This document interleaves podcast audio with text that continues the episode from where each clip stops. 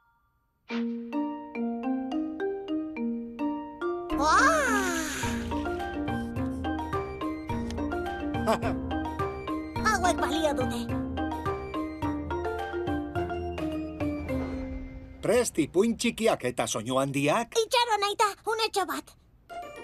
Ra, ra.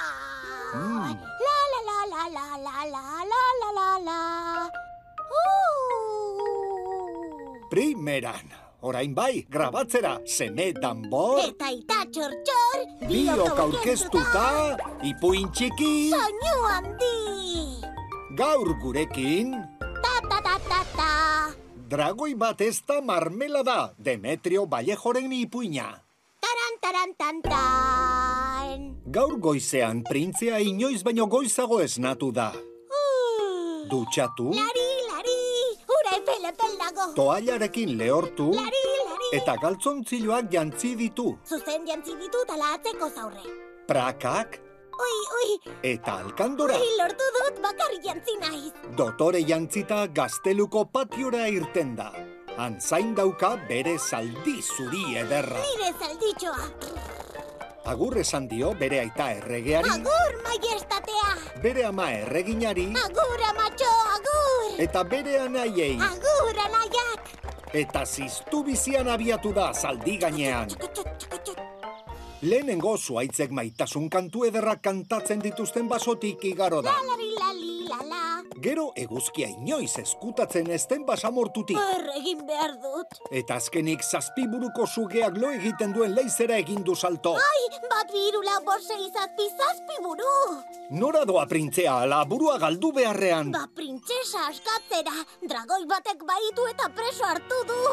Oh, dragoia biziden kobazulora heltzean zaldi gainetik jaitsi eta han sartu da. Ilun ilun dago dena.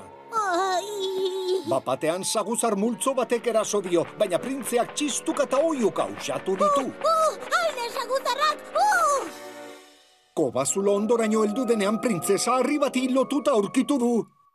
Lagundu, printzesa naiz, lagundu idazue, mesedez! Amorru biziz printzea gorri-gorri jarri da kobazuloko ilunpean. Ah, Sutan nago! Urrezko heldulekua duen espata atera eta kolpe bakar batez kateak apurtu ditu.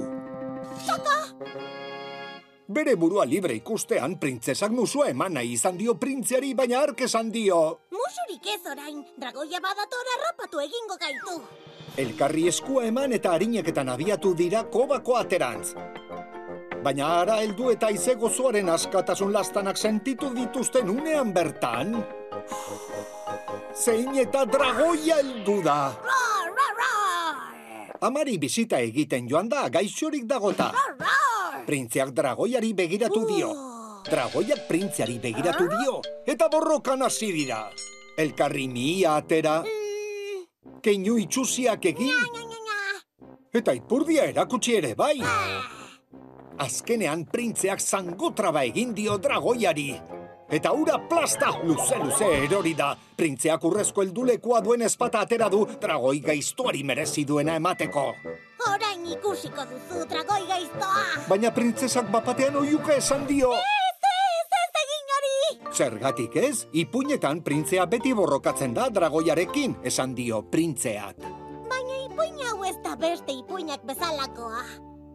Pentsatu, dragoia zigortuta ez dugu ezer lortuko goze izango gara.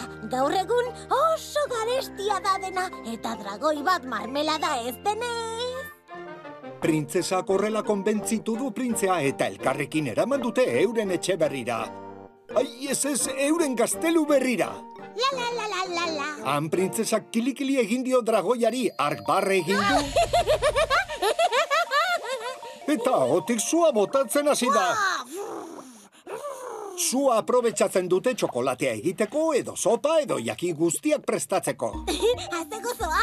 Eta printzeak eta printzesak ez dute inoiz sukalderik erosi behar izan. Eta hala izan bazan, Sar dadila kalabazan eta irten dadila gure herriko plazan. Tarararara,